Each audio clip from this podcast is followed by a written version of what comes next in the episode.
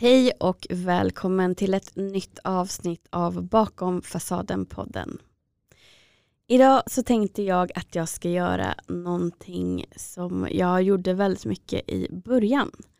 Men eh, inte alls gör så ofta längre. Det vill säga prata direkt från mig till dig.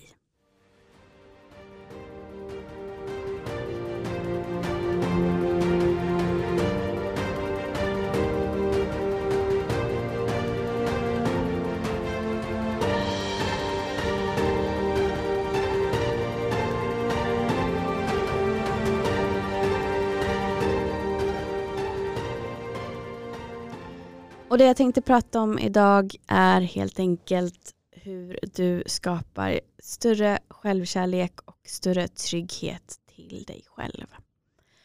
Och det finns ju lite olika saker såklart man kan göra. Jag tror många av er gör precis som jag. Är väldigt mycket inne på Instagram och YouTube. Lyssnar på människor som arbetar som coacher, psykologer, relationsexperter och tar till oss väldigt mycket därifrån. Men jag vill också verkligen poängtera hur viktigt det är att få skapa sin egen syn på saker och ting. Att liksom plocka ur det här fina ur allting som känns och resonerar. Och med resonerar så menar jag det som känns som att ja, men det här tror jag också på. Och göra det till ditt. För att i början av en inre resa så söker man väldigt mycket utanför sig själv. Och det gjorde jag också.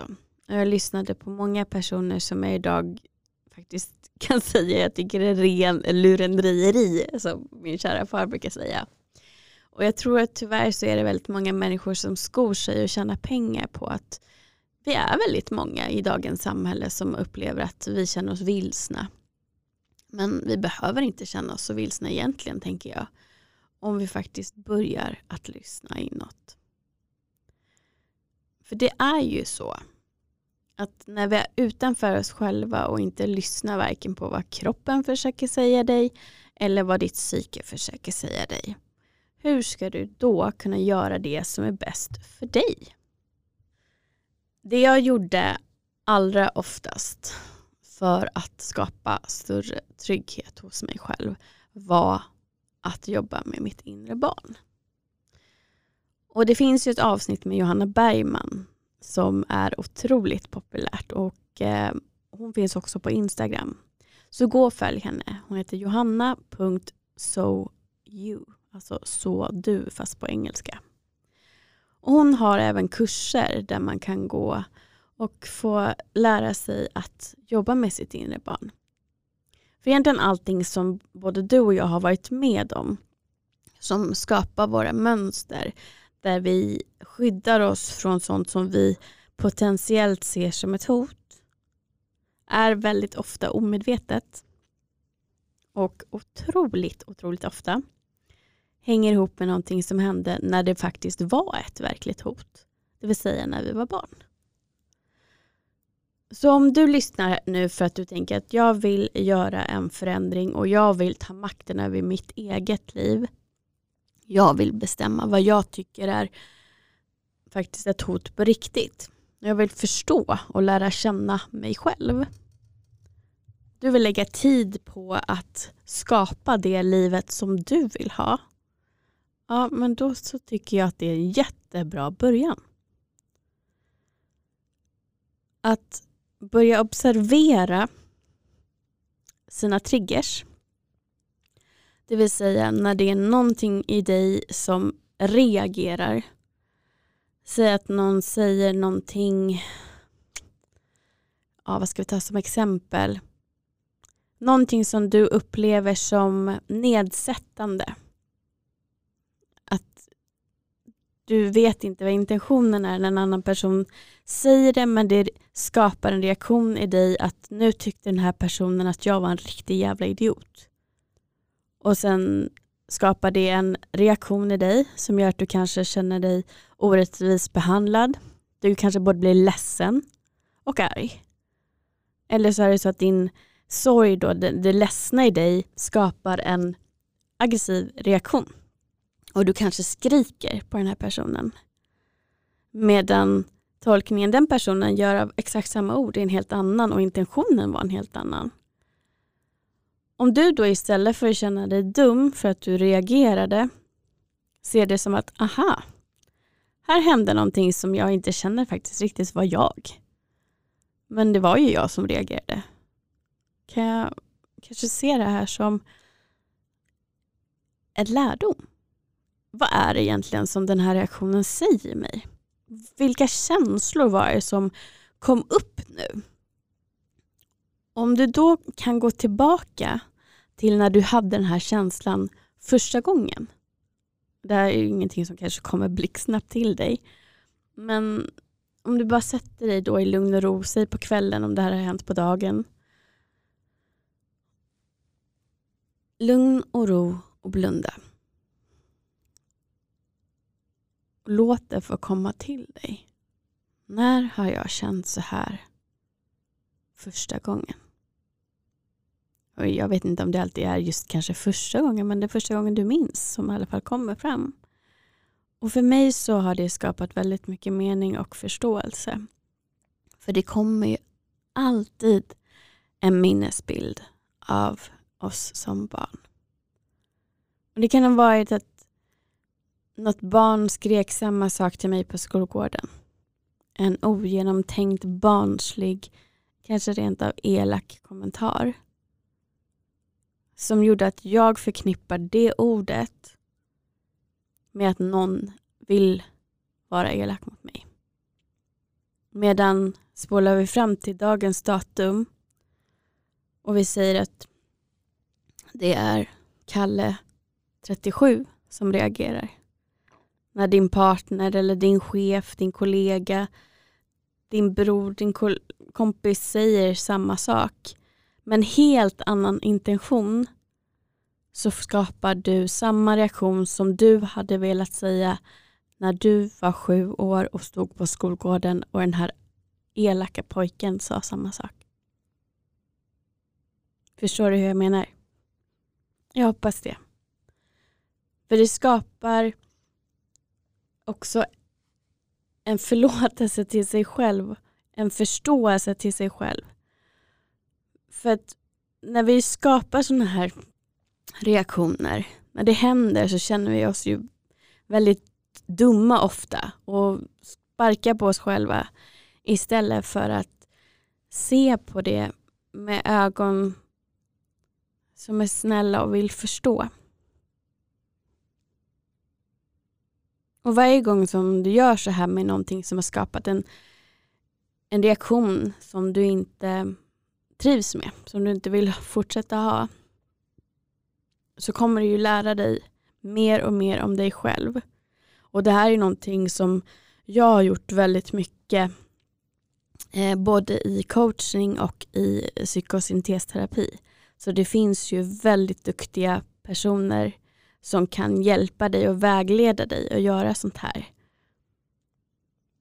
För att det är ganska svårt att bara börja göra det själv när man inte vet hur man gör. Men om du vill prova själv så gå gärna en kurs med Johanna så har du i alla fall stöd därifrån.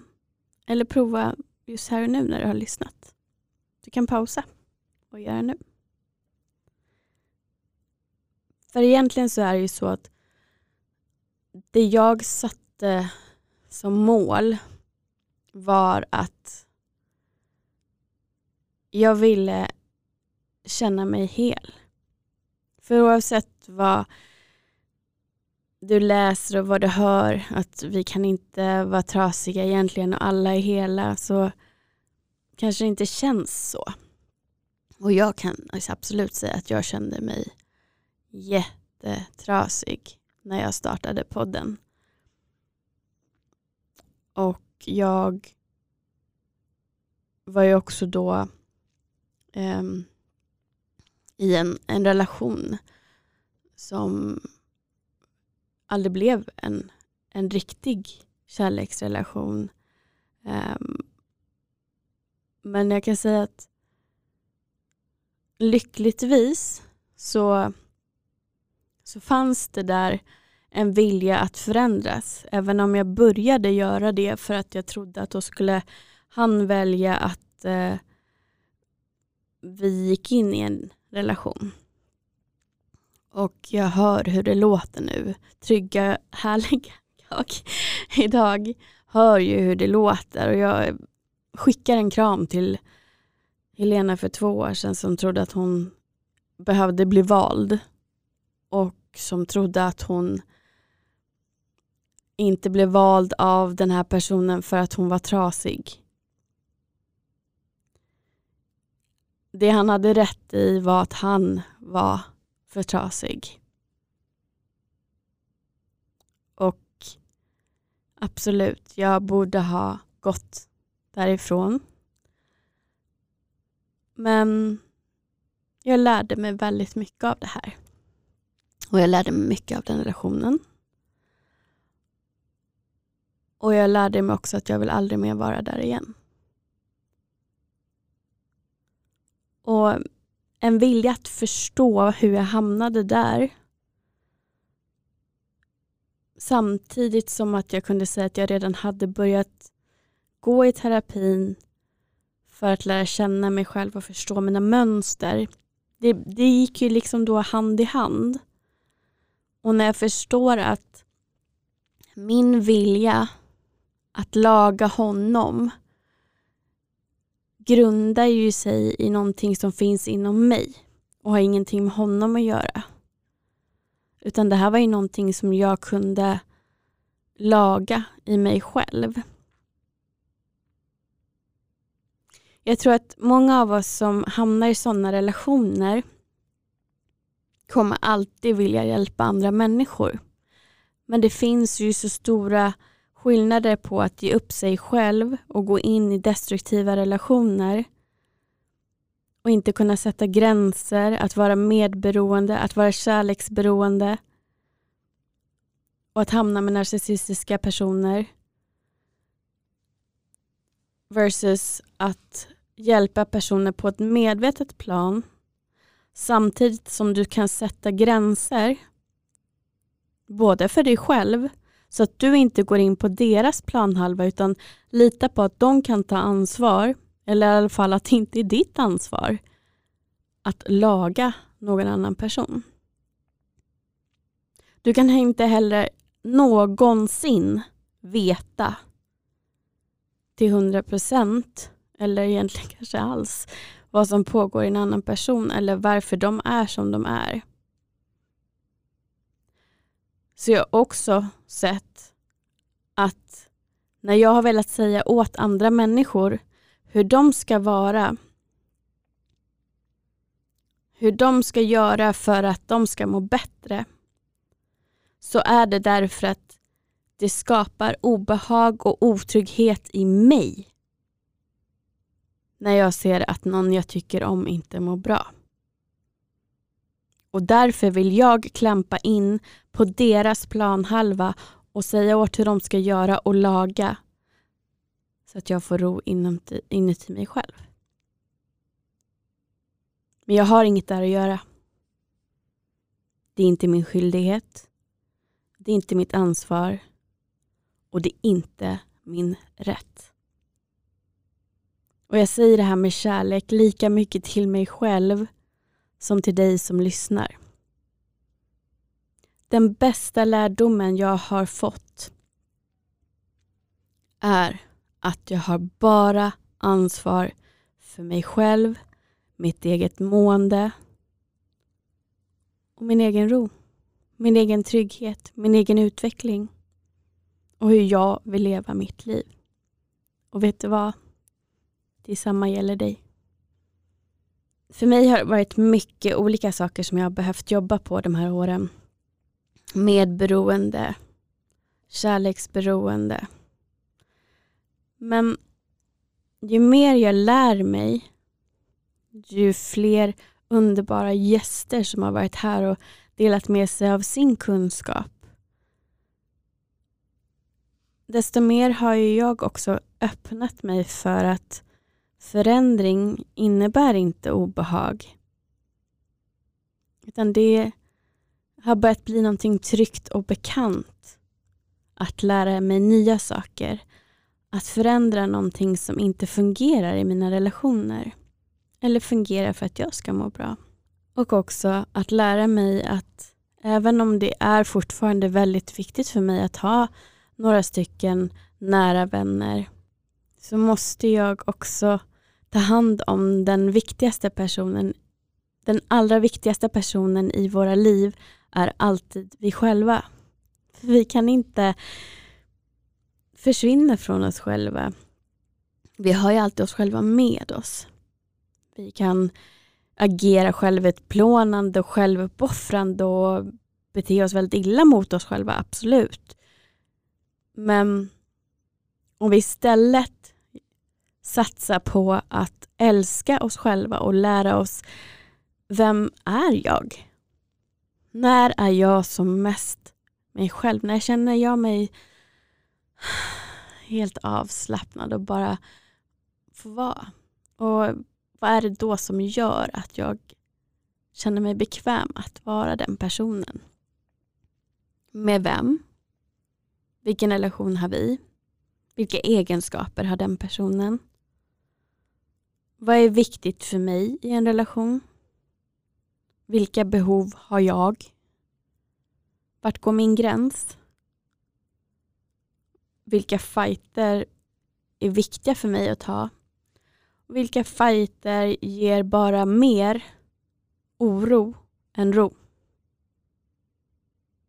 Det är några av de sakerna som jag verkligen vill att ni ska kunna ta med er efter ni har lyssnat på det här avsnittet. Vi är inte gjorda för att leva ensamma. Må så vara. Men jag hävdar å det bestämdaste att det är otroligt viktigt att vara bekväm och må bra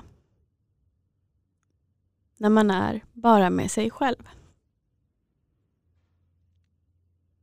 Och jag tror att när det händer så mycket i världen och det är osäkerhet, det är pandemi, det är naturkatastrofer, det är mycket konstiga personer som har ledarpositioner då blir det ännu viktigare att skapa trygghet för många, många av oss. De flesta. Och absolut för mig. Trygghet för mig är absolut viktigaste. Och idag så känner jag en trygghet i mig själv. Jag vet att livet går upp och ner och det kommer alltid gå upp och ner. Hur mycket jag än vill så kommer jag förlora personer som jag älskar. Ingen lever för evigt. Och sorg är en del av livet. Nu är väl kanske just sorg någonting jag är ganska så bekant med. Men säger inte att jag har gjort det bästa av den bearbetningen under den tiden när det var väldigt många i min närhet och bekantskapskrets som, som lämnade jorden. Jag tror att det ofta är det just i 20-30-årsåldern för att det händer mycket saker för att vi lever på ett annat sätt de åren. Men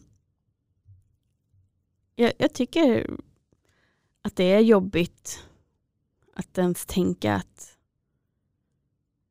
familjen kommer inte se ut som den gör idag för all framtid. Jag försöker verkligen ta tillvara på den tiden som vi har kvar. Förhoppningsvis i alla fall 20 år till. För även om det är klart att pengar skapar en bekvämlighet så har vi dem inte då skapar det oro och otrygghet. Men jag kommer aldrig sträva efter att liksom ha ett överflöd på så sätt att det är på bekostnad av tid med personer jag älskar. Det är inte, det är inte värt det för mig. Och jag vet att den, det största anledningen till att folk ångrar sig när de går bort, eller man kan säga number one reason. Det, det folk säger att de, de önskar att de gjorde, eller hade gjort mer när tiden är kommen, är att spendera mer tid med sin familj. Och jag, jag, jag vill verkligen inte vara en av dem. Men jag vill också vara en av dem som känner att jag har gjort det bästa av att jag, vad jag har fått tilldelat. Och för mig så kommer jag aldrig nöja mig med att sitta och tänka att det är synd om mig för att jag har varit med om våldtäkter eller det är synd om mig för att den här, den här personen har varit elak eller att det är synd om mig för att jag har levt i destruktiva relationer. Det är inte synd om mig. Alltså missförstå mig rätt. Det är tråkigt, det är hemskt, det är fruktansvärt att det är någon som behöver vara med om sådana här saker. Men jag vill inte hamna i ett fack att jag är det som jag har varit med om. Anledningen till att jag är öppen med vad jag har varit med om är därför att jag har valt att se det som någonting som har skapat ett syfte för mig. Att jag kan hjälpa andra, att jag kan inspirera. Och det är ingenting som jag vill ska definiera den jag är. Eller på något sätt få mig att se det som en ursäkt att bete mig och leva utifrån ett offerperspektiv. Offer är jag, men ni förstår vad jag menar. Alltså offer på det sättet att jag inte vill ta ansvar för mitt liv eller mina relationer för att jag har varit med om sådana här saker. För även om det är otroligt smärtsamt och damaging att vara i en relation med en narcissist till exempel, som vi har pratat mycket om i podden, så är det ju fortfarande så att det har ju funnits saker, eller saker, det har funnits mönster i mig som gjorde att jag var kanske lite extra lättillgänglig för den här typen av människa. Och jag har väldigt stark vilja och jag hade bestämt mig för att jag skulle laga de här killarna. Och eh, ja, den första lyckades jag väl ganska bra med i alla fall. Um, men på bekostnad av att jag själv blev eh, otroligt, otroligt eh, nedbruten och hade väldigt mycket suicidtankar. Och den här andra gången så, så tror jag att det var väldigt hjälpsamt att jag parallellt då började gå i terapi och byggde upp mig själv som gjorde att jag också var mottaglig för att förstå hans personlighetsstörning. Och att eh, han är som han är. Och att det jag kände för honom var inte kärlek för att kärlek ser inte ut så. Och att kunna vända det till att ta den kärleken jag bara ville liksom trycka upp och, och, nästan tvinga på honom och andra människor och istället ge den till mig själv. Det är klart att det, det räddade mig på många sätt att tvingas att, att se inåt på ett sätt fast det var ändå mitt val om du förstår vad jag menar.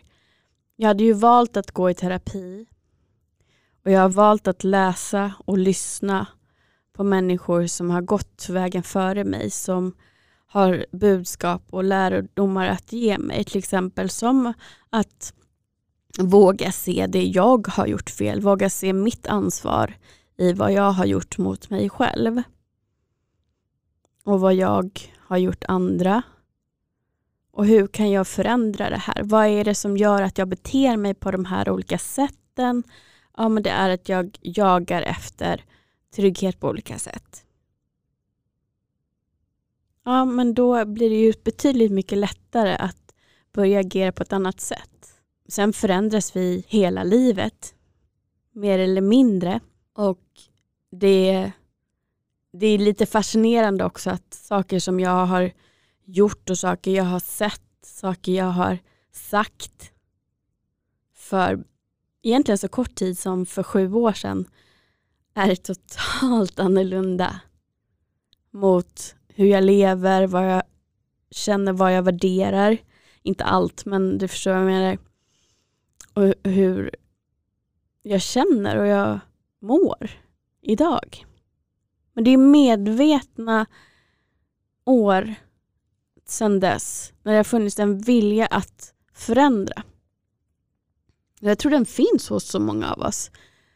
Men vi måste verkligen förstå att bara för att vi läser någonting eller säger någonting som låter klokt betyder inte att vi lever så. Och lyssna inåt har jag sagt i sju år men jag kan inte säga att jag har 100% verkligen gjort det och det kanske inte jag kan säga riktigt än heller. Men jag gör det kanske till 80% idag mot förr. För att jag också med övning lärt mig att obehag är inte ett hot. Obehag är någonting som hör till. när det är någonting som är främmande och obekant. Men om jag väljer att se det på ett sätt att det här är någonting som hör till och kommer försvinna när jag får bekanta mig med det här nya eller får öva på det här nya så kommer det tvärtom vara någonting härligt med den här upplevelsen. Och jag kanske hittar en till nyckel och får en sån där underbar aha-upplevelse. Och då skapar ju det här obehaget ändå mening. Men om vi gör allt och, och, och skyr obehag som pesten, då får vi ju sitta kvar i den här ibland offerrollen eller i alla fall i ett liv där vi inte lever som vi egentligen känner att vi vill. Det skaver. Och det kan skava ganska hårt ibland. Och börjar vi då söka kickar på olika sätt för att blunda och inte känna det här skavet. Då kommer vi ännu längre bort ifrån kärnan av vem vi är och vilka vi vill vara. Och jag slutade dricka nu november 2020. Ja. Um, och det handlar inte egentligen om ett medvetet beslut. Många som slutar dricka är så här, nu, nu räcker det, jag vill inte göra det längre och så bara slutar de. Men det för mig var mer att jag kände att jag hade inte druckit så mycket de senaste åren eh, sedan 2018. Men eh, det hände några gånger. Och eh, det hände också några gånger att jag blev eh, brus, ordentligt brusad. Och det var liksom, jag kände, självklart så är det ju så att det blir inte samma känsla ju äldre man blir. Eh, men jag tyckte verkligen inte om den. Och jag tycker inte om att det påverkar, även om jag inte har blivit berusad utan har druckit vin till maten, så räckte det med att det blev lite, kanske ett halvt glas för mycket för att det skulle, alltså för mycket för att det inte ska påverka sömnen. För att jag känner att det inte är värt det. Jag vill inte att någonting ska förändra vem jag är eller hur jag uttrycker mig, hur jag känner, hur jag sover, vad jag ska göra dagen efter. Alltså varför ska, jag vill inte att något annat ska ha makt över mig. Förstår du vad jag menar? Och det blir så stark känsla så det, det, det liksom skapar sånt motstånd för mig till att dricka alkohol. Sen så, tycker jag också om det ska vara helt ärlig, och jag förstår att det här kan trigga och provocera. Men jag tycker helt ärligt att det är väldigt sorgligt att det är så normaliserat att dricka alkohol så ofta och så mycket som gemene man gör i Sverige. Och att istället för att kunna vara helt medveten om och närvarande med din familj. Du kanske säger, men vadå jag dricker bara ett, två glas. Ja, men varför? Ja, men för att jag vill slappna av. Okej, okay, så du kan inte slappna av utan att du har alkohol i blodet. Är inte det jättesorgligt? Jag tycker det. Jag förstår att du blir triggad. Jag hade säkert blivit triggad för några år sedan själv. Jag ville ju ha den här känslan som tog bort stress eller trötthet eller vad det nu var jag ville fly från.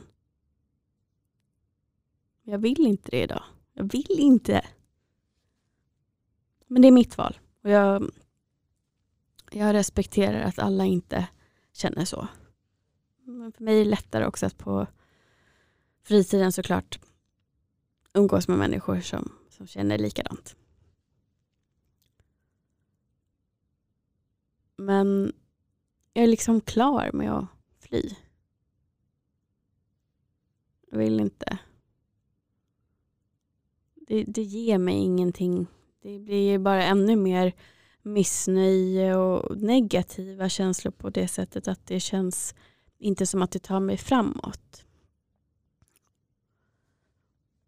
Och där får alla göra precis som de vill men jag tror också att även om du väljer att fortfarande dricka alkohol och tycker att det är någonting trevligt och det är sällskapsdryck eller om du bara inte är redo för att ta itu med ett riskbruk eller missbruk så kanske du ändå kan ta med dig känslan av att inte vilja fly och att det finns ändå någon mening med det jag sitter och säger idag med att börja titta inåt och på så sätt skapa trygghet och gå från otrygg till trygg genom att du börjar se på dina mönster, du börjar observera vad som händer när du blir triggad. Du pratar med en person som är utbildad, du läser på. För att även om jag skulle vilja säga att alla personer bör, nej det var fel ordval. Jag tror att det vore väldigt bra för majoriteten som söker efter verktyg till att förstå sig själva, att läsa på och lära sig om sin anknytning. Och lära sig om anknytningsteorin och lära sig om beteenden och förstå att du är väldigt styrd av de beteendena. Eh, beteenden. så, så är det ju inte bara där vi behöver titta. Utan skapa en helhet och lära känna dig själv. Inte bara i en triggad form eller en otrygg anknytningsform utan också sen när du har börjat jobba mer och känner dig mer trygg kan också bli trygg med att sitta mer med obehaget. Och det tar ju tid. Jag menar i början för två år sedan då var jag väldigt mycket i anknytning och ville förstå den och ville gå så fort som möjligt till en trygg anknytning från en otrygg. Men nu när jag liksom sitter där och har majoritet otrygg och inser att den är fortfarande föränderlig och i vissa situationer så, så agerar jag fortfarande otryggt och då visar det mig vad jag fortfarande behöver jobba på. Och det är liksom det är en bestående förändringsprocess på så sätt. Så att så inser jag också att saker som jag har sagt för bara två år sedan eller ett år sedan är ingenting som jag står för idag. För att jag har utvecklats och liksom ja, förändrats genom det också.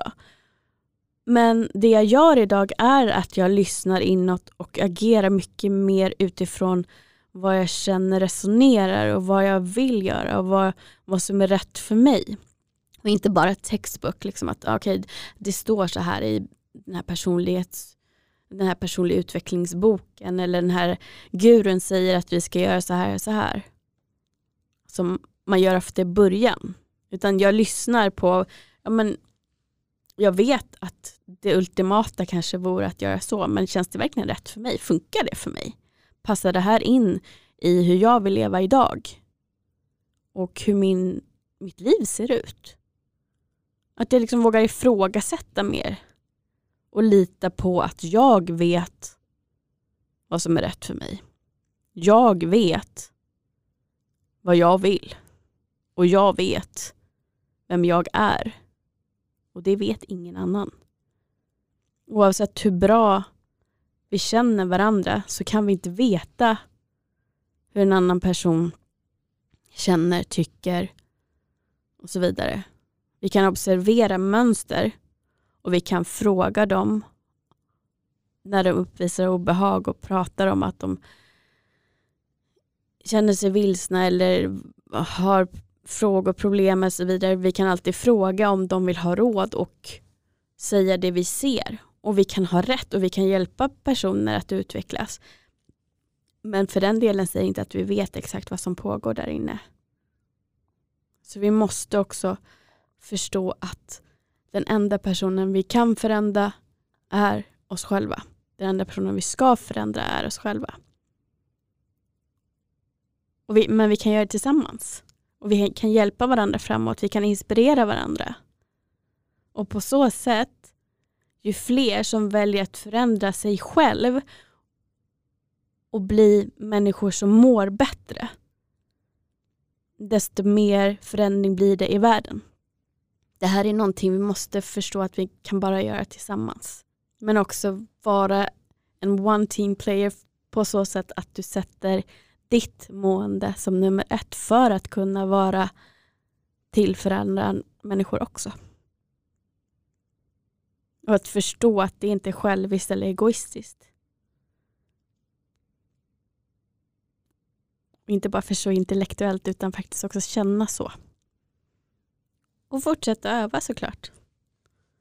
Jag blir inte världsmästare på någonting första dagen, året. Och egentligen så Alltså, det vore väl skittråkigt om vi blev det. Vad ska man då göra? Jag vill inte veta vem jag är om två år. Det är en upptäcktsfärd. Är det så att det som jag har pratat om idag har skapat mening så blir jag jätteglad om du väljer att eh, berätta om det. Jag finns på Instagram, bakom fasaden-podden och jag svarar så fort jag har möjlighet. Nu ska jag gå hem och förbereda mig för en ny jobb och träningsvecka. Och jag hoppas att eh, du får en fortsatt fin dag, kväll, när du än lyssnar på det här. Och framförallt, tills vi hörs igen, ta hand om dig.